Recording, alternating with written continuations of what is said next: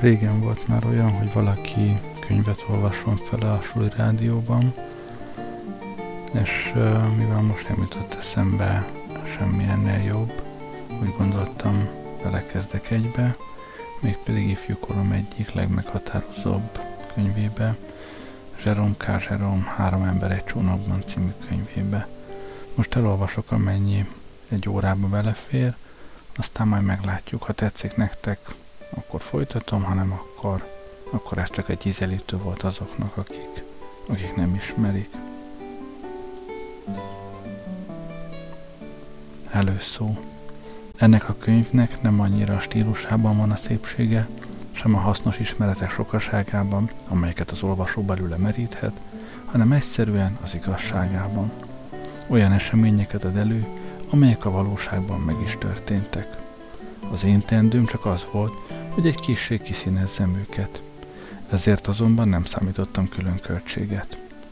George, Harris és Montmorency nem költött alakok, hanem húsból és vérből valók, különösen George, aki körülbelül 82 kilót nyom. Más művek felől múhatják az enyémet a gondolat mélységében és az emberi természet ismeretében. Más könyvek felvehetik fel a versenyt eredetiségben és terjedelemben. De semmi nem múlhatja felül, amit eddig kitalálta, a reménytelen és gyógyíthatatlan valóság bemutatása terén. Úgy érzem, hogy ez minden más szépségnél értékesebbé teszi ezt a kötetet az olvasó szemében, és emeli annak a történetnek a tanulságát, amelyről ez a könyv szól. London, 1889. augusztus. Első fejezet. Négyen voltunk. George, William Samuel Harris, és én magam, és Montmorency. Az én, szobámban üldögéltünk füstölve, és arról diskuráltunk, mi hitványok vagyunk. Hitványa, természetesen orvosi szempontból. Mindannyian éreztük, mennyire leromlottunk, és ettől valósággal idegesek lettünk. Harris elpanaszolta, hogy időnként olyan különös szédülési roham lepi meg, hogy alig tudja, mit csinál. Aztán George panaszolta, hogy neki is vannak szédülési rohamai, és ő is alig tudja, mit csinál. Nekem meg a májam nincs rendben.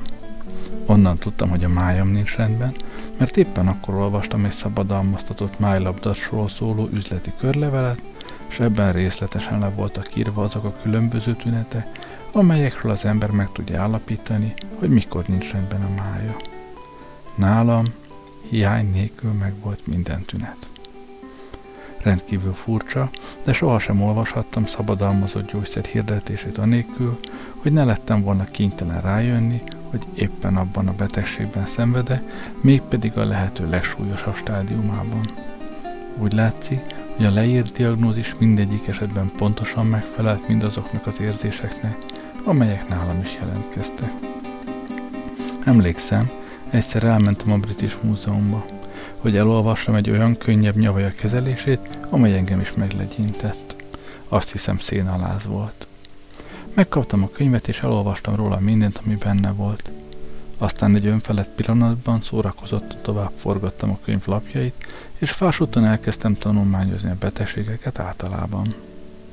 Ma már elfelejtettem, mi is volt az első betegség, amelyre rábukkantam, csak azt tudom, hogy valami félelmetes, pusztítókor, és mielőtt még a betegség kezdetét jelző szimptomák lajstromának a felét átuzottam volna, már tudtam, hogy megkaptam.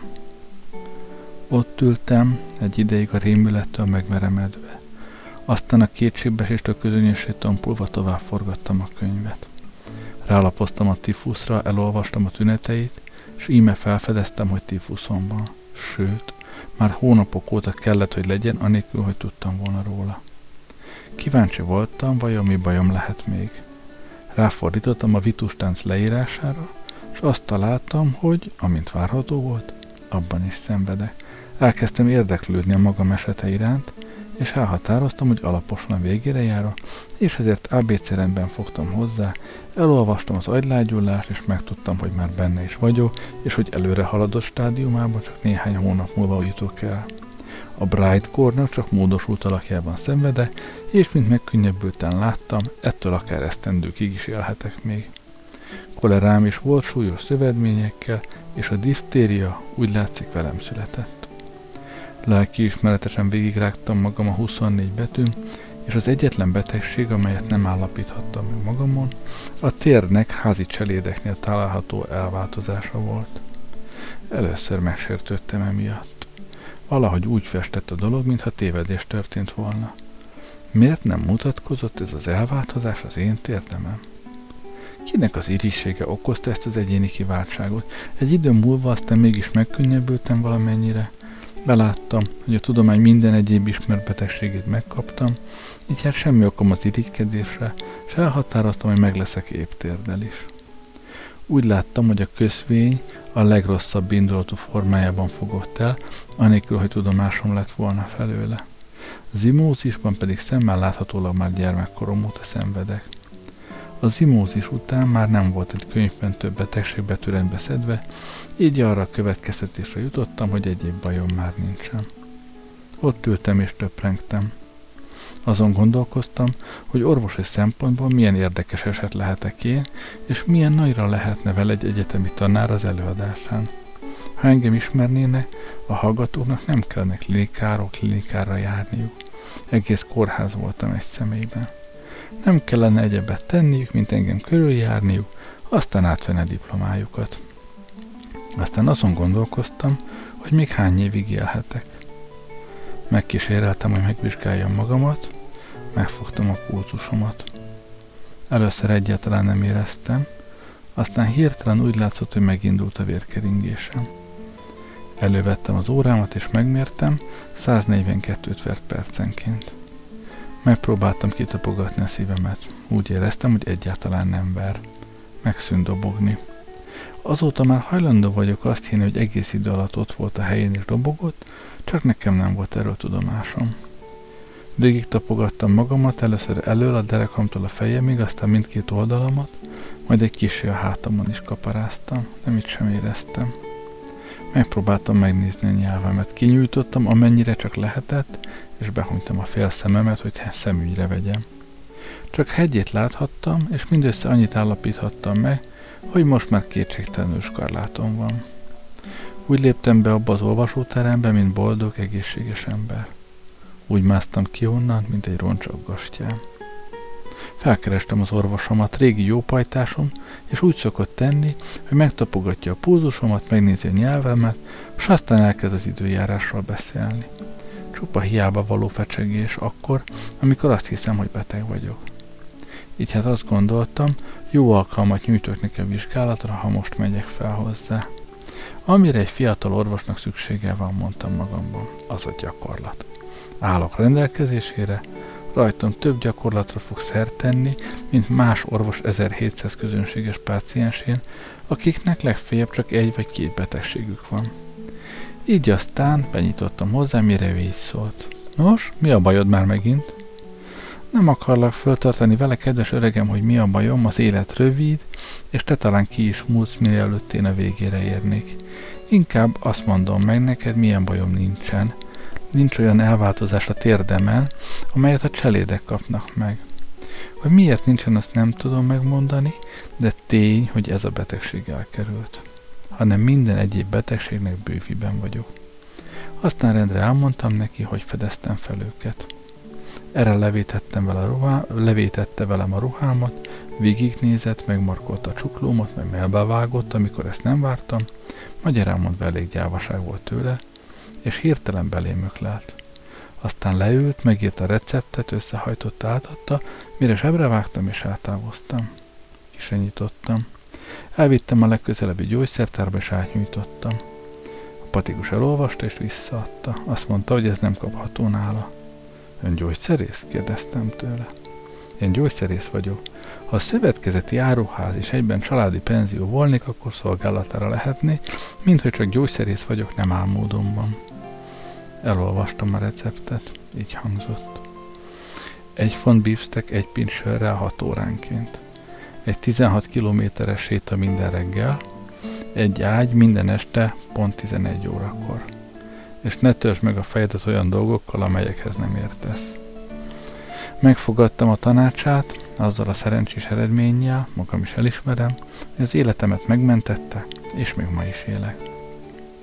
A jelen esetben, hogy visszatérjek a májlabdas hirdetésre, kétségtelenül megvolt mindenféle szimptomám, közülük a legfőbb is, a teljes kedvetlenség minden munka iránt. Nincs szó, amely kifejezhetni, mennyire szenvedek ettől a betegségtől. Csecsemőkorom kezdette óta vértanúja vagyok. Kisfiú egy napra sem hagyott békén ez a betegség. Persze akkor nem tudták, hogy a májam okozta. Az orvosi tudomány sokkal elmaradottabb volt, mint ma, és ezért a lustaságnak tulajdonították. Előre te iskola kerülők is ördög tanulj és dolgoz, sohasem akarod a kenyeredet megkeresni? Szokták mondani, természetesen nem tudva, hogy beteg vagyok. És nem kaptam orvosságot, nyaklevest kaptam, és akármilyen különösnek is látszik, azok a nyaklevesek gyakran meggyógyította, legalább egy időre. Emlékszem egy pofonra, amelynek jobb hatása volt a májamra, és erősebben unszolt arra, hogy nyomban megtegyem azt, amit tőlem kívánta, mint ma egy egész doboz gyógyszer. Bizony gyakran így vagyunk vele. Azok az egyszerű, régi módi házi szerek néha hatásosabbak, mint egy egész patika.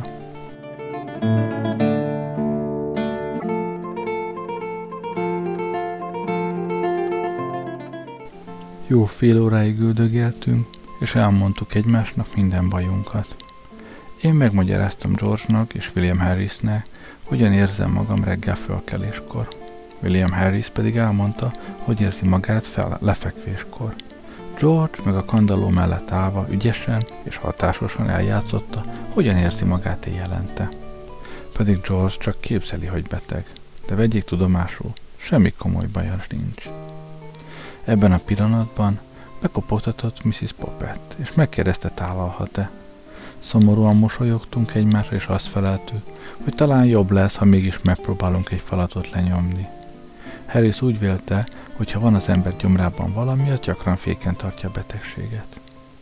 Mrs. Poppet behozta a vacsorát, mi megközelebb ültünk az asztalhoz, és elbabráltunk a hagymával körített hússzeletkével és egy kevésre barbarás üteménnyel.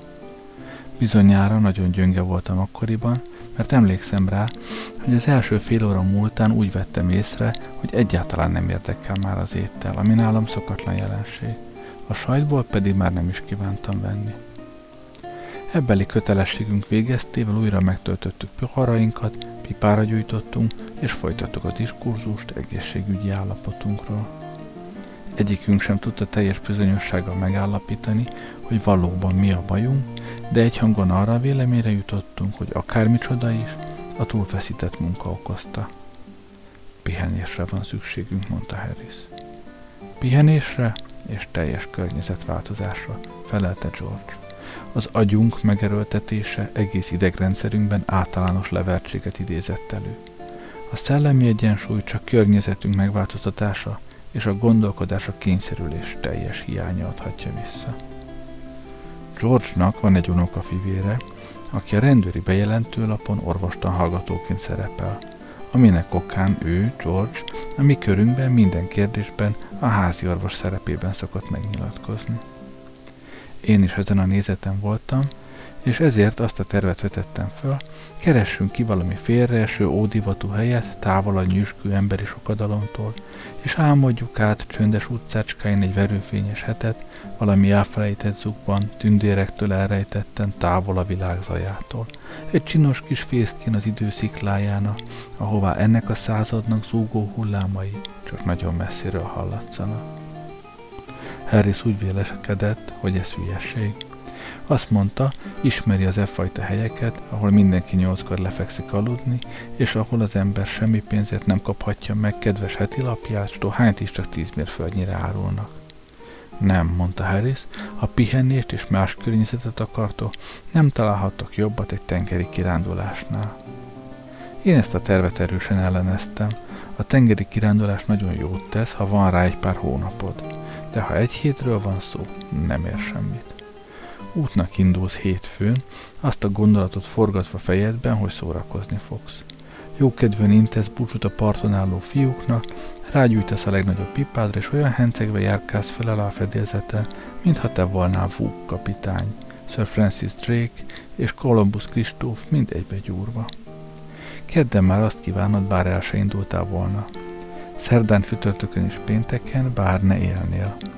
Szombaton már le tudsz nyelni egy kis erőleves, ki tudsz a földérzetre ülni, és édeskésen bágyott mosolya felesz rá, ha jó szívű emberek kérdik, hogy érzed magad. Vasárnap ismét járni kezdesz, és már szilárd táplálékkal is élsz. És hétfőn reggel, amikor a csomagoddal is elnyújt kezedben ott állsz a hajóhíd előtt, várva kiszállhass, akkor kezded a tengert igazán szeretni. Emlékszem, hogy egyszer a sógorom indult ilyen rövid hajú kirándulásra.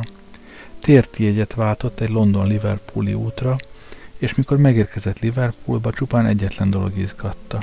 Nevezetesen az, miként adja el a visszautazásra szóló jegyét.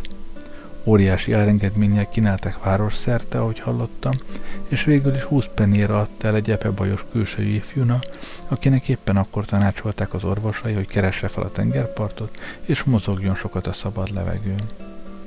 Tengerpart, mondta a sógorom, szeretettel szorongott vagy a kezében. No hát eleget lát majd ott egész életére, ami meg a mozgást illeti, több mozgásban lesz része, mihelyt felszáll arra a hajóra, mintha folyton cigánykereket vetne a szárazföldön. Ő maga, a sógorom, vasúton jött haza. Azt mondta, az északnyugati vasút éppen elég egészséges az ő számára. Egy másik barátom egy heti hajóútra ment az angol partok körül, és mielőtt elindultak volna, a főpincér eljött hozzá és megkérdezte, vajon minden egyes étkezés után fizeti-e a számláját, azt szerint, hogy mit fogyasztott, vagy kifizeti előre az egyheti élelmezési költséget. Az utóbbi módszert ajánlotta, mint sokkal olcsóbbat. Azt mondta, hogy az egész hétre megszámítaná két font öt shillingért. Felsorolt, hogy villás reggelire hal lesz, utána rostélyos, az ebédet egy órakor tálalják és négy fogásból áll. Vacsora idő hatkor, leves, hal, előétel, sült, szárnyas, salátával, sütemény, sajt és gyümölcs. Végül könnyű, húsos, késő esti vacsora tízkor. Barátom azt gondolt, hogy megragadja a két font öt kedvező alkalmat, nagy haspók, és így is tett. Mihelyt sírnezt elhagyták, már adták az ebédet. Nem érzett akkora éjséget, mint ahogy előre hitte, és így megelégedett egy fű, falat főt marha hússal, még egy kevés tejszínhabos földi epperrel. A délután folyamán sokat rágódott magában az ebéden, és hol úgy tetszett neki, mintha heteken át nem evett volna egyebet főt marha húsnál, hol meg úgy, mintha évek óta tejszínhabos epren élt volna. Úgy látszik, hogy sem a hús, sem az eper nem érezte jól magát, sőt, mintha zugolódtak volna. Hat órakor jelentették, hogy kész a vacsora. Ez a hírhadás semmi lelkesedést nem keltett benne, de mint hogy érezte, hogy annak a bizonyos két font öt egy részét le kell dolgoznia, a kötelekbe és egyéb kezeügyébe eső tárgyaba kapaszkodva lement. A lépcső alján a hagyma és forró sonka kellemes illata köszöntötte, a rántott haléval és az zöldségével összevegyülve. Előjött a pincér és szokott sima mosolyával, és megkérdezte, mit hozhatok önnek, uram? Szabadítson ki innen, válaszolt halkan. Rögtön oda rohantak hozzá, karonfogva felvezették a hajó korlátjához, és ott hagyták. A rákövetkező négy napban szerény és tiszteletreméltó módon szódavizem és vékony tiszti kétszer sültön élt. A kétszer sült volt vékony, nem a tisztek. De vasárnapra már összeszedte magát, és neki bátorodott egy kis gyönge teának és pirított zsemlének, míg hétfő, hétfőn már csirkelevessel tömte magát. Kedden hagyta el a hajót, és amikor az a kikötő hídja elől eltávolodott, bánatos szívvel nézett utána. Ott megy, mondta, ott megy két font értékű ennivalóval a fedélzetén, ami mind az enyém lenne, ha megbírtam volna enni. Azt mondta, ha még egy napot adnak neki, talán ki tudta volna egyenlíteni a követelését. Én tehát ezért szálltam szembe a tengeri kirándulás tervével. Megmagyaráztam, hogy nem a magam kedvéért teszem. Én sohasem szoktam makacskodni, csak George-ot féltettem. George viszont azt mondta, hogy neki semmi kifogása sem volna ellene, sőt nagyon tetszik neki a dolog, de nekem és Harrisnek ajánlja, hogy verjük ki a fejünkből, mert biztos benne, hogy mind a ketten rosszul leszünk. Harris viszont azt felelte, hogy ő előtte mindig rejtély volt, hogyan tesznek szert az emberek tengeri betegségre, lehetetlen, hogy ne tennék szándékosan, merő kényeskedésből. Ő már sokszor szerette volna megkapni, de sohasem sikerült neki. El is mondott néhány esetet arról, hogy mind kelt át a csatornán, midőn úgy háborgott a tenger, hogy az utasokat oda kellett a kabinjaikba kötözni, és csak ő meg a kapitány nem lett rosszul az egész hajón. Máskor meg ő és a másodkormányos volt az, aki nem lett beteg, de rendesen ő meg még egy másik ember, ha meg nem ő másod magával, akkor egyedül csak ő. Furcsa dolog, soha senki nem szenved tengeri betegségben a szárazon. A tengeren ott sokszor találkoztam olyanokkal, akik ugyancsak rosszul voltak, egész hajóra komány volt belőlük. De még sohasem találkoztam a szárazföldön olyan emberrel, aki valaha is tudta volna milyen az, ha valaki tengeri betegségben szenved. Titok, hogy ez a sok ezer betege tengeri utas, aki csak úgy hemzseg a hajókon, a szárazföldön hol tartózkodik. Hogyan volna a legtöbb ember, mint az a fráter, akit egyszer a Jarmuszi hajón láttam, akkor elég könnyen meg tudnám magyarázni ezt a látszólagos rejtét. Úgy emlékszem, éppen elhagytuk a Southend kikötőt, és ő igen veszedelmes helyzetben hajolt ki a hajó egyik ablakán. Oda szaladtam hozzá, hogy megpróbáljam megmenteni. Hajja, jöjjön beljebb szóltam, és megráztam. Mindjárt belesik a tengerbe. Ó Istenem, bár így volna, volt a válasz, amit még ki tudott nyögni. Faképnek kellett hagynom. Három hét múlva Bászban találkoztam vele egy szálloda kávézójában, amint a tengeri utazásairól beszélt, és elragadtatással mesélte, mennyire szereti a tengert. Hogy jó hajós vagyok-e? kérdezte egy álmélkodó szelít fiatalember kérdezősködésére. Nos hát, bevallom, egyszer én is éreztem már furcsán magamat a honfok mellett volt, a hajó másnap sziklazátonyon zúzódott össze. Én csak annyit kérdeztem, nem szédült maga egyszer egy kicsit a Southend kikötőtől nem messze, és nem kívánta volna a hullámok közti halálát? A Southend kikötőnél felelt zavarta azt kifejezéssel. Ott, ott, Jarmus felé menet. Pénteken múlt három hete. Vagy jó, úgy szólt felderült ábrázattal. Most már emlékszem, a fejem fájt aznap délután az ecetes uborka volt az egész bajnak az oka. Ez volt a legbestelenebb uborka, amelyet világéletemben jóra való hajón ettem. És ön? Ön nem evett belőle? Ami engem illet, kitűnő módját fedeztem fel, miként lehet a tengeri betegség ellen védekezni. Az embernek folyton egyensúlyban kell tartania magát. Odaállsz a fedélzet közepére, és amint a hajó föl és alá himbálódzik, a szerint hajlongsz te is, úgy, hogy mindig egyenes állásban maradj. Ha a hajó eleje emelkedik, előre hajolsz, míg csak a fedélzet majdnem az orrodat éri, ha pedig a hátsó fele indul fölfelé, hátra hajlasz. Ez nagyon jól megy egy-két óráig, de nem egyensúlyozhatsz egy hétig, sajnos.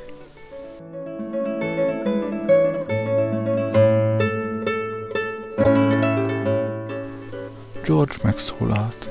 Utazzunk fel a temzén. Azzal érvelt, hogy lenne részünk jó levegőben, mozgásban és pihenésben is. A változatos vidék elfoglalná az elménket, ha ugyanis Harrisnek jutott ebből a portékából, a nehéz munka majd jó étvágyat csinál, és jól fogunk tőle aludni. Harris úgy vélte, hogy George-nak semmit sem szabad tenni, amitől álmosabb lesz, mint amilyen mindig lenni szokott, mert ez már veszedelmessé válnék. Azt is mondta, hogy nem igen érti, vajon alhatnék-e George többet, mint amennyit eddig is szokott, tekintve, hogy a nap csak 24 órából áll, télen-nyáron egyaránt, ha azonban mégis tudna többet aludni, akár meg is halhatna, és megtakarítaná a lakása és ellátása költségét. George eszméjét különben Harris is, meg én is nagyon jónak tartottuk, és ezt olyan módon mondtuk meg neki, hogy abból érezhető volt a mi csodálkozásunk, amiért George fejében ilyen okos ötlet megszülethetett.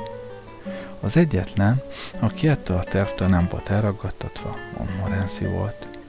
Ő, Montmorency, ő bizony sohasem tartotta valami sokra a folyót. Megértem, hogy ez tetszik nektek gyerekek, mondta, ti szerethetitek, de én nem. Nem én. Nincs ott nekem semmi keresni valóm. A szép vidék nem az én gusztusom, és dohányozni sem szoktam. Ha meglátok egy patkányt, nem fogtok megállni. Ha meg elámosodni, akkor ti tovább marháskodtok a csónakkal, míg csak én ki nem potyanok belőle. Ha a véleményemre kíváncsiak vagytok, az egész dolgot óriási hülyeségnek tartom. Mi azonban hárman voltunk egy ellen, és megszavaztuk George indítványát.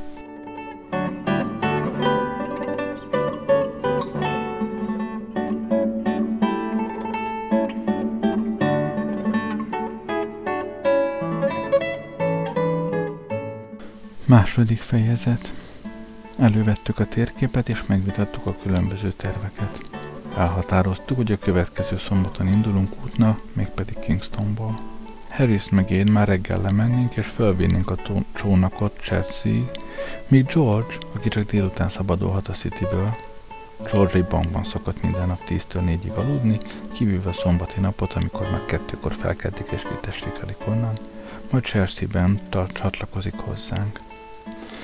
Vajon az éjszakákat sátorban töltsük-e, vagy inkább kocsmákban aludjunk? George meg én a táborozás mellett voltunk. Azt mondtuk, hogy ez a vad, szabad és pásztori élet kell nekünk. A haldokló nap aranyos emléke már-már tünedezni kezd a hideg, szomorú felhők szívéből.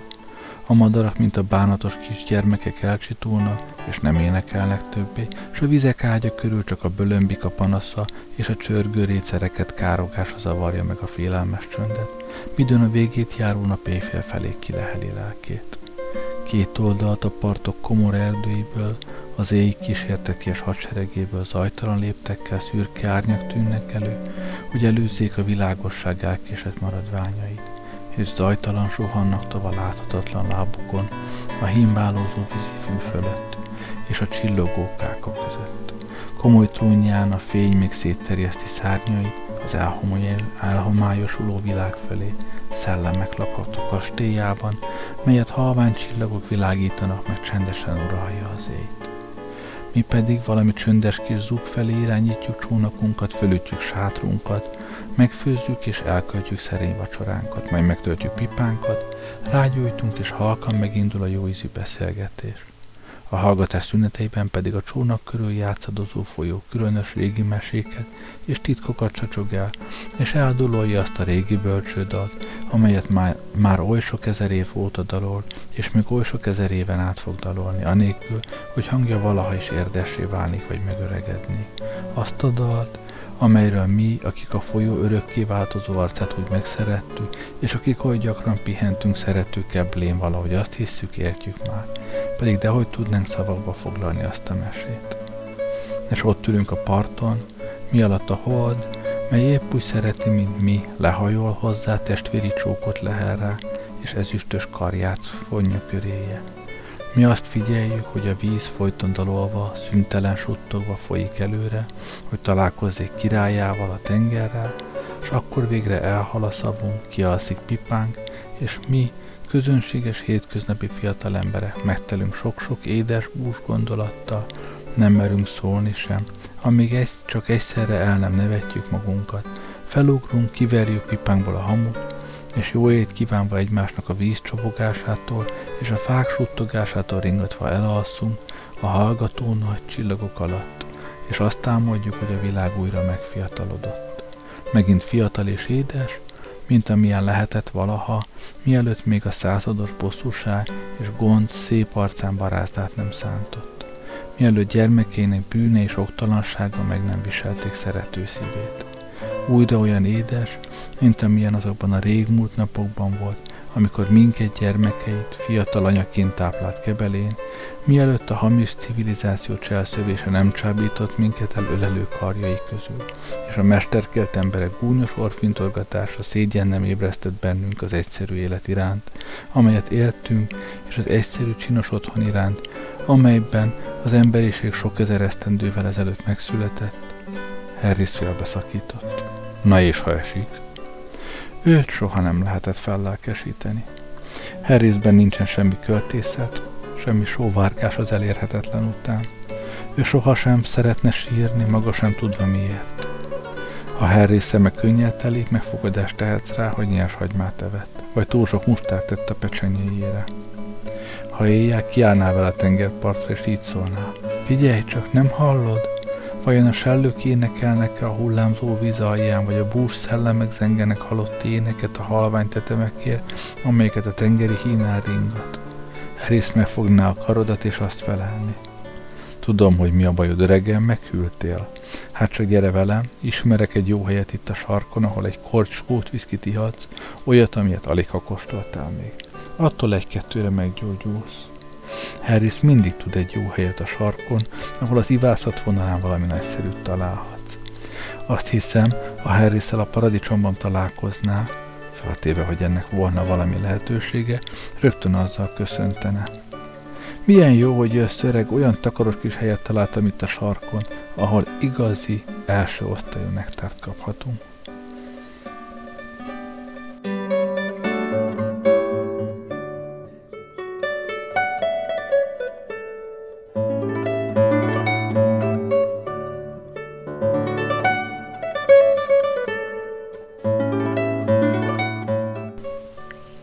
Ebben az esetben azonban a szabadban való táborozás kérdésében nagyon időszerű volt a dolgokról való gyakorlati felfogása. Szabad ég alatt táborozni esőben nem nagy gyönyörűség. Esteledik, minden ruhád átázott, a csónakban két hüvelyk magasan áll a víz, és mindenhol mit nyírkos. Találsz a parton egy olyan helyet, amely nem olyan sáros, mint körös körül a többi. Kikötsz, kiviszed a sátrat, és ketten nekiálltok felverni. Kiderül, hogy minden csuron víz, és milyen nehéz lett a sátorlap. A szél ide-oda csapkodja, rád esik, a nyakad köré csavarodik, hogy belebolondulsz. Az első szakadatlanul ömlik, szépítőben is bajos a sátrat fölverni, de ha esik, valóságos herkulesi feladat. Úgy találod, hogy a társad, ahelyett, hogy segítségedre sietne, egyszerűen a bolondját járatja veled. Alig, hogy gyönyörűen leszögezed a magad oldalát, ő megrántja a túlsó végét, és tönkreteszi az egész munkádat. Mi az? Mit csinálsz ott? kiáltasz föl. Mit csinálsz te? szólsz vissza. Erez már el. Ne húzd hát, hiszen elrontod az egészet, te ostoba szamár, ordítasz. Hogy húznám, inkább engedd el azt az oldalt. Nem érted, hogy az egészet elrontotta, düvöltesz, miközben azt kívánod, hogy bár a kezed ügyébe kerülne, és akkor átrántasz a köttélen, hogy kifordulnak az ő oldalán mind a cövekek. Ó, világ hülyéje mormogja magában, aztán egy vad rántás, és oda van a te oldalad is. Leteszed a kalapásot, és neki indulsz, hogy megmond neki, mi a véleményed a dologról, de már ő hozzád igyekszik, hogy megmondja a maga véleményét. Így kerülgetitek egymást a ponyva körül szitkozódva, míg a sátor egyszerre csak összedül, és ti a romjai fölött méltatlankodva nézhettek egymásra.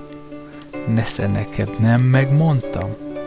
Ekközben a harmadik, aki kimerte a vizet a csónakból, kicsavarta az ingeújját, és már tíz perc óta szüntelenül káromkodik magában, tudni akarja, hogy mi a mennydörgős menykővel játszadoztok ti, és miért nem áll még az az átkozott sátor. Végre valahogy csak ugyan megáll, és ti partra hurcoljátok a csónakból a holmikat. Tüzet rakni? Reménytelen kísérletnek bizonyul, ezért meggyújtjátok a borszeszégőt, és körülülitek. A vacsoránál az esővíz a főétel. A kenyér kétharmad esővíz, a húspástétom nagyobb fele is az, s a dzsám, a vaj, a só és a kávé mind összekeveredett, hogy sok esővízzel levest alkossanak. A vacsora után veszitek észre, hogy a dohányotok nyírkos, és nem tudtok rágyújtani. Szerencsére van egy üvegetek abból a folyadékból, amely fölvidít és boldoggá tesz, ha kellő mennyiségben élvezite, és ettől újra föltámad életkedvete. S lefeküztök aludni. Most azt álmodod, egy elefánt ült a melledre, majd egy tűzhányó tört ki, és téged a tenger fenekére sodolt, mi alatt az elefánt békésen tovább szendereg a kebleden. Fölriadsz, és arra eszmélsz, hogy csak ugyan valami borzasztó dolog történt. Első benyomásod az, hogy itt a világ vége. Majd azt gondolod, hogy ez mégsem valószínű, inkább rablók és gyilkosok törtek rád, vagy talán tűzvész tört ki, és ezt a véleményedet a szokott módon fejezed ki. De nem jön segítség, és most már biztos tudomásod van róla, hogy ezer meg ezer ember rúdos, és hogy te nem kapsz levegőt. De úgy látszik, hogy más valaki is bajba került, vágyott kiáltozását hallhatod az ágyad alól. Minden esetőségre készen elhatározott, hogy drágán adod az életedet, és ezért kézzel lábbal harcolsz, ütve rúgva jobbra-balra, egész idő alatt rémesen üvöltve, míg végre nyílik egy kis rés, és érzed, hogy a fejed kim van a szabad levegőn. A közelben, Egy félmeztelen zsiványt látsz homályosan, aki meg akar gyilkolni, és amikor éppen élet-halálharcra készülsz vele, akkor veszed észre, hogy hisz az Jim. Ó, hát te vagy az mondja, ugyanabban a pillanatban ismer föl is téged. Én, én, feleled a szemedet törzsölve. Mi történt itt? Azt hiszem, ezt az átkozott sátrat ledöntötte a szél. Merre van Bill? Erre mind a ketten Bill után kiáltoztak, amikor megmozdul alattatok a talaj, és ugyanaz a folytott hang, amelyet előbb hallottál, válaszol a romok közül. Megyetek le a fejemről, jó? És előmászik Bill, egy sáros, megtaposott roncs, aki ráadásul, egészen fölöslegesen, támadó pózba ugrik közétek, mert azt hiszi, hogy az egész dolgot szándékosan rendeztétek. Reggel aztán mind a hárman szótlanok vagytok, mert az éjjel alaposan megültetek, rossz a kedvetek, és reggelizés közben szítjátok egymást.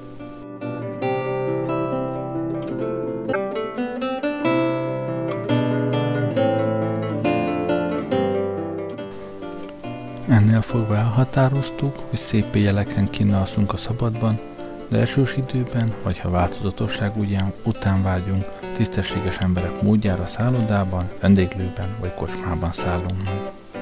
Megalkuvásunkat Montmorency nagy helyesléssel fogadta. Ő nem rajong a magány romantikájáért. Neki azt tetszik, ami zajos, és ha még hozzá egy kicsit ronda is, annál tréfásabb a dolog. Ha ránézel Montmorency-re, azt hinnéd, hogy ő a mennyből küldött angyal, de valamely okból kicsiny Fox Terrier alakjába bűvölték. Van valami olyan, ó milyen gonosz ez a világ, mint szeretném jobbá és nemesebbé tenni, féle kifejezés Montmorency ábrázatán, s ezt kegyes hölgyek és idős urak szemébe már többször csat könnyeket. Amikor hozzám került, eleinte attól tartottam, hogy sehogy sem tudom majd őt magamhoz szoktatni. Üldögéltem a kandalom mellett, és néztem, amint ott feküdt a kis szűnyegen, és felnézett rám, arra gondoltam, ó, ez az ebb nem fog soká élni. Tüzes szekéren fogják a fényes mennyországba ragadni, szavamra ez fog vele történni. De mikor aztán majd egy tucat csirkét kellett megfizetnem, az ő áldozatait, mikor 114 utcai verekedésből kellett őt örvénél fogvást morogva és rukkapálva erőszakkal kihurcolni, mikor egy dühös nőszemély egy döglött macskát hozott el hozzám szemrevételezés céljából és gyilkosnak nevezett, mikor a másik szomszédom panaszára beidézte, mert harapós kutyát engedek szabadon járni, és ez a harapós a panaszos valósággal bezárta a szerszám kamrájába, hogy egy hideg éjszaka két órán át még az órát is félt az ajtón kidugni, mikor megtudtam, hogy a kertész, akit különben nem is ismertem, 30 shillinget keresett a kutyámon olyképpen, hogy ebzárlat idején patkányt fogadott vele, akkor már hinni kezdtem, hogy talán mégis megengedik neki, hogy itt maradjon a földön még egy kis ideig istállók körül kóborolni, összeállni a város rossz hírű kutyáival, kivezetni őket a külvárosokba, és ott más rossz hírű kutyákkal összeveszejteni őket, ez Montmorency számára az élet. És ezért, mint már említettük, a kocsmák, vendéglők és szállodák gondolata az ő részéről a legnagyobb helyeslésre találkozott. Minek utána az alvás dolgát mind a négyünk megelégedésére elrendeztük, most már az egyetlen megbeszélni valónk az volt, mit vigyünk magunkkal az útra de alig, hogy ennek megvitatásába fogtunk, Harris kijelentette, hogy neki mára már elég volt a szónoklatokból, és azt indítványozta, hogy menjünk és mulassunk egyet. Ő tud egy jó kis helyet ott a sarkon, ahol olyan írviszkit mérne, amelyet igazán érdemes megkóstolni.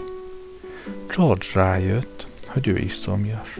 Nem emlékszem, hogy valaha is ne lett volna az és minthogy én is úgy sejtettem, hogy egy kis viszki melegen, egy szelet citrommal jót tenne a betegségemnek, a vitát közös megegyezésre másnap estére halasztottuk, a társaság tagjai pedig felvették kalapjukat, és útnak indultak.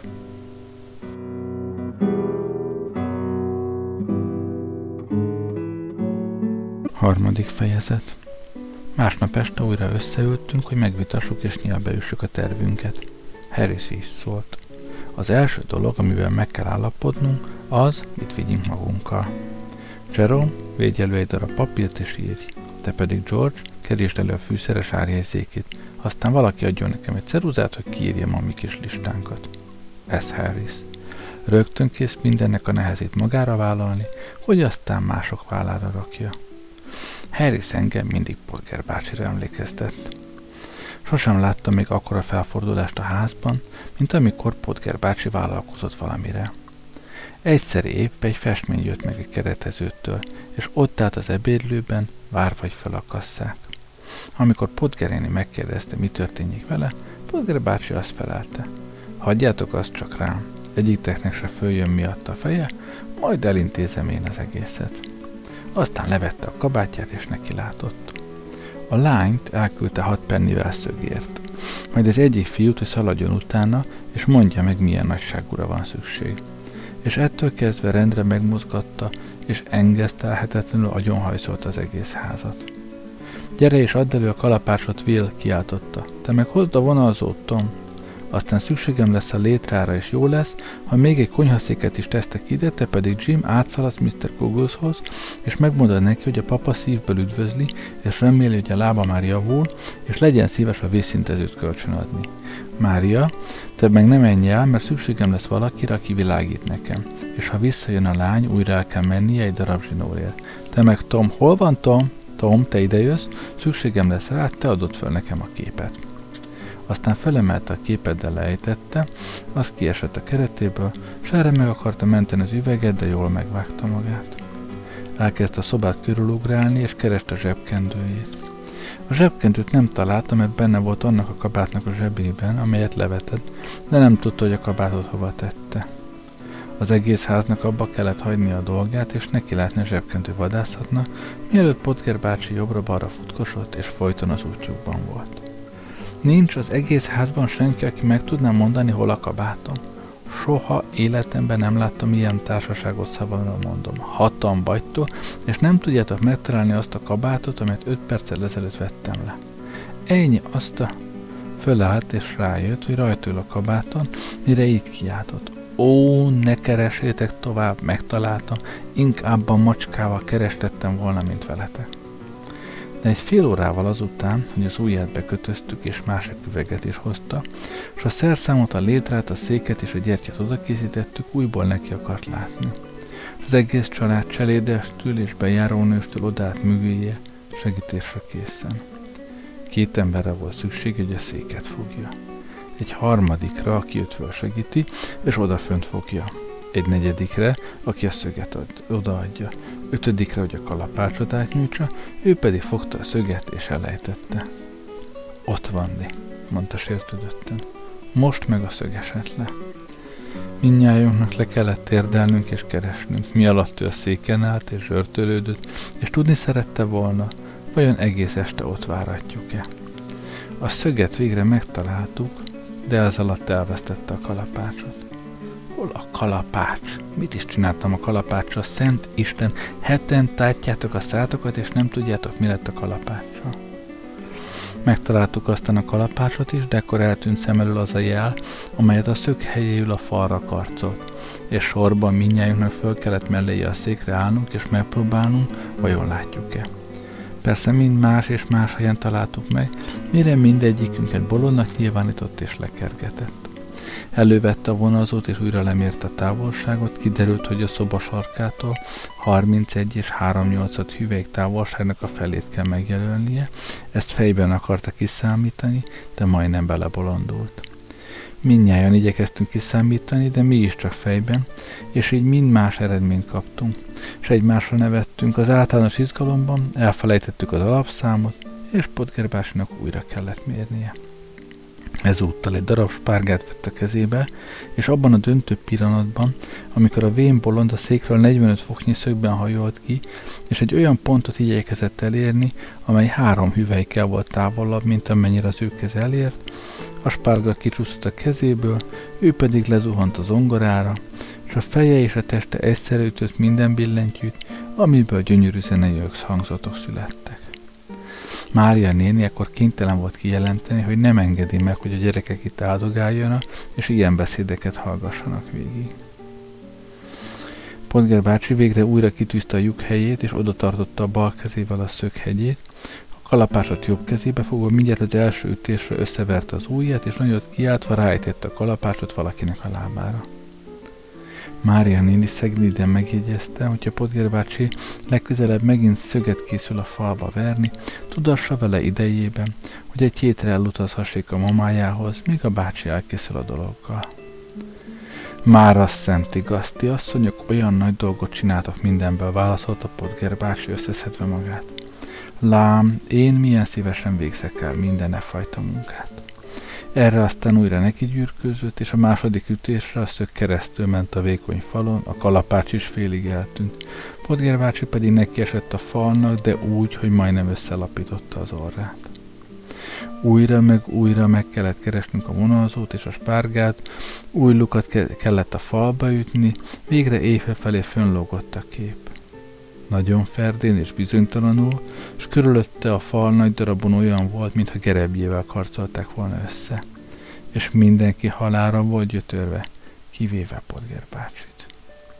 No látjátok, kiáltott föl diadalmasan, amint a székről lelépve a takarítónő tyúk szemére taposott, és nyilvánvaló büszkeséggel szemlélt a nagy felfordulást a szobában.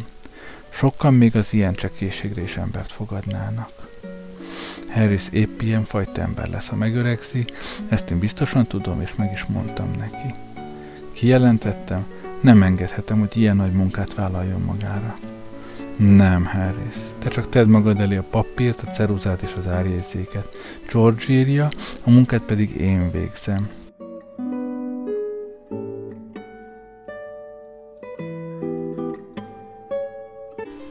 Az első listát el kellett dobnunk. Nyilvánvaló volt, hogy a Temze felső folyása nem bírja el az olyan nagy csónakot, amely elegendő a mi nélkülözhetetlennek jelzett holmink elhelyezésére, ezért széttéptük a jegyzéket, és összenéztünk. Megszólalt George, szerintem rossz úton járunk. Nem azokat a dolgokat kell számba vennünk, amelyekre nincs szükségünk, hanem azokat, amelyek nélkül nem tudunk meglenni. George néha majdnem egészen értelmesen belé- beszél, ami valósággal meglepi az embert. Egyenesen bölcsességnek kell ezt tekinteni, nem csak a jelen esetre nézve, hanem általánosságban is az élet folyóján való utazásunkra vonatkoztatva. Hány ember terheli meg ilyen kirándulásokon hajóját, olyan ostoba dolgok tömegével, hogy az első jedés veszélye fenyegeti olyan dolgokkal, melyeket az utazás élvezetéhez és kényelmihez lényegesnek tart, de amelyek valójában csak haszontalan lomok. Az emberek átbóc magasságig megrakják rozog kis bárkájukat szép ruhákkal és nagy házakkal, fölösleges szolgaszemélyzettel és előkelő barátokkal, akik egy fikarcnyit sem törődnek velük, költséges vacsorákkal, amiken mindenki unatkozik, formaságokkal és divatokkal, igényekkel és vitoktatással, és ami a legnyomasztóbb és legesztelenebb limlom, azzal a félelemmel vajon mit fog a szomszédom rólam gondolni, olyan fényűzéssel, amely csak undorít, olyan élvezetekkel, amelyek untatnak, üres hivalkodással, amely mint egykor a bűnösök szöges koronája, megvérzi és kábulatba ejti a fejet, amely viseli. Mindez üres lom, csak lom. Vest ki a bárkádból. Oly nehézé teszi a csónakodat, hogy beleszakadsz az evezésbe. Oly nehézkessé és veszedelmessé válik az evező forgatása, hogy soha sincsen egyetlen búta és gondtól mentes percet sem. Soha sem jutsz egy kis pihenéshez, hogy elábrándozhass. Nincs időd nézni, mi könnyen suhannak el a reszkető árnyak a sekély habok fölött, s mind szögdécsel ide-oda csillogó napsugár a vízfodrán, mind nézegetik magukat a part nagy fája a víz tükrében, nincs idő gyönyörködni az erdők zöldjében és aranysárga színében, a fehér-sárga liliomban, a víz komoran rohanó árjában, a sásban vagy a ne felejts kékjében. Vest ki ezt a lomot, ember, hadd legyen életed csónakja könnyű. Ne hordozz csak, amire szükséged van. Lakályos otthonodat, egyszerű örömöket, egy vagy két olyan barátot, aki ezt a nevet meg is érdemli, valakit, akit szeretsz és aki téged szeret, egy macskát, egy hű ebet, egy-két pipát, elegendő ételt és ruhaneműcs az italból egy kicsit többet a szükségesnél, mert a szomjúság veszedelmes dolog. S meglátod, hogy csónakot simábban siklik, nem borul fel könnyen, de az sem lesz olyan nagy baj, ha éppen föl is talál fordulni, az egyszerű jóáru állja a vizet.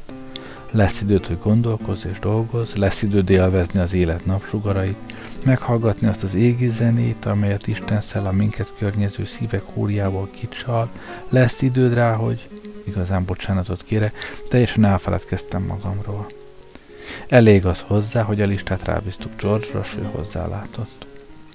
Nem viszünk magunkkal sátrat, ajánlotta George, olyan csónakunk lesz, amelyen ernyő van, sokkal egyszerűbb és kényelmesebb. Jó gondolatnak látszott, ezért el is fogadtuk. Nem tudom, látotta az olvasó valahol olyan alkotmányt, ami erről szó van. A csónak fölé vasabroncsokat erősítünk, azokra óriási vitorlavásznat feszítünk a csónak orrától a faráig. Ez a csónak majdnem olyan, mint egy kis ház, és ennivalóan csinos a külseje, csak belül egy kisé füllent, de hát mindennek megvan a maga hátránya, ahogy az egyszerű ember mondta, mikor az anyósa meghalt, és elhozták neki a temetésről szóló számlát. George azt mondta, hogy ebben az esetben mindegyikünknek csak egy pokrócot kell vinnie, egy lámpát, egy szappant, egy kefét és fésűt, közösen mind a hármunknak, egy fogkefét, koponyánként, egy mosdótálat, némi fogport, borotvakészletet, nem hangzik-e mindez úgy, mint egy francia nyelvkönyv gyakorlatai, és néhány törölközött a fürdéshez. Meg kell jegyeznem, hogy az emberek mindig óriási felszerelést visznek magukkal a fürdéshez, ha a folyópartra mennek nyaralni, de mikor aztán ott vannak, nem igen fürdenek.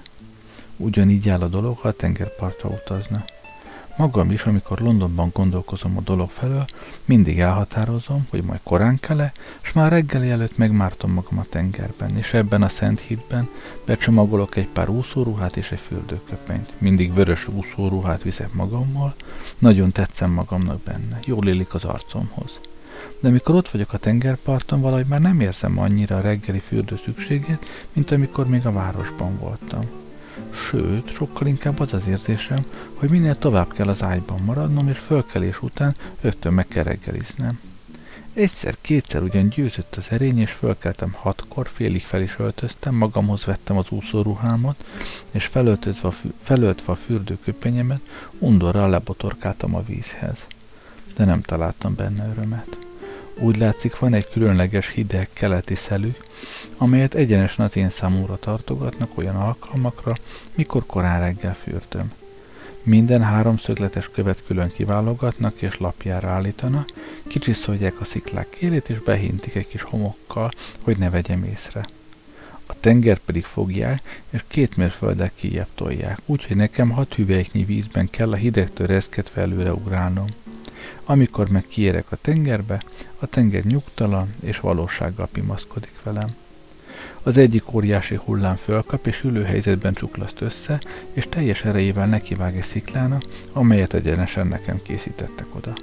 És mielőtt még megmunkanhatnék, vagy rájöhetnék, hogy mi is történt velem, visszatér a hullám, és kisöpör az óceán kellős közepébe. Kétségbeesen kezdek a part felé küzdködni, és sóváran gondolok rá, vajon meglátom már még valaha az otthonomat és a barátaimat, és hevesen óhajtom, bárcsak jobb lettem volna gyerekkoromban kis húgomhoz. De épp midőn már letettem minden reményről, visszatér a nagy hullám, és ott hagy engem csigalak féreg módjára vickélni a homokban. Mikor föltápászkodom és visszanézek, azt látom, hogy két lábnyi vízben folytattam élet-halál küzdelmet. Kiszökellek a partra, felöltözöm, hazavánszorgok, és igyekszem úgy tenni, mintha gyönyörűségemre szolgált volna a fürdés. E pillanatban még mi is úgy viselkedtünk, mintha majd minden reggel nagy úszást akarnánk rendezni. George véleménye szerint nincs szebb, mint üdereggeleken a csónakban felébredni és beugrani a tiszta vízbe. Harris szerint a reggeli előtt való fürdés a legjobb étvágygerjesztő. Azt mondta, hogy neki ez a reggelihez mindig kitűnő étvágyat csinált, mire George megjegyezte, hogy ha Harris még jobb étvágyja lennék, mint ahogy szokott, akkor ő helyteleníti, hogy Harris egyáltalán megmosdjék. Azt mondta, hogy még így is épp elég munka lesz Harris számára szükséges eleséget a vízfolyás ellen felvontatni. Én azonban arra figyelmeztettem George-ot, mennyivel kellemesebb lesz, ha Harris tisztán és felfrissülve járkál a csónak körül, még ha ennek a kedvéért néhány másával több beleséget is kell magunkkal vinnünk. Mire ő is az én szemüvegemen átkezdte nézni a dolgot, és visszavonta Harris fürdésével szemben nyilvánított tiltakozását. Végre is abban állapodtunk meg, hogy három fürdőköpenyt viszünk magunkkal, hogy egymást ne várakoztassuk. A ruhák tekintetében George elégnek talált két flanelöltönyt, mert úgyis kimoshatjuk őket magunk is a folyóban, ha bebiszkolódna. Megkérdeztük tőle, vajon megkísérelte valaha, hogy folyóban flanelt mosson, azt felelte, ő maga ugyan nem, de ismert olyanokat, akik megtették, és nem volt benne semmi boszorkánság. Harris meg én pedig elég könnyelmen elhittük, hogy tudja, mit beszél, és hogy három nem befolyásos és nem előkelő, tisztességes, de a mosás terén minden tapasztalatot nélkül, minden tapasztalat nélkül szűkölködő fiatalember csak ugyan ki tudja az ingét és nadrágját mosni a Temze folyóban egy darab szappannal. Az eljövendő napokban, mikor bizony már késő volt, rájöttünk, hogy George nyomorult fráter, akinek nyilvánvalóan fogalma sem lehetett a mosásról. Bár látták volna ezeket a holmikat mosás után. No, de ahogy a kikiáltók mondani szokták, tessék csak bejebb kerülni, ott majd meglátják a többit. George ránk erőszakolta, hogy váltani való fehér neműt és sok harisnyát is vigyünk magunkkal, arra az esetre, ha fölborulná, és váltásra lenne szükségünk. Szintű zsebkendőt is jó bőven, mert jó lesz majd törölgetni, valamint egy pár bőrcsizmát, evezős cipőt. Mintha bizony, ha fölborulunk, hasznukat vehetnénk.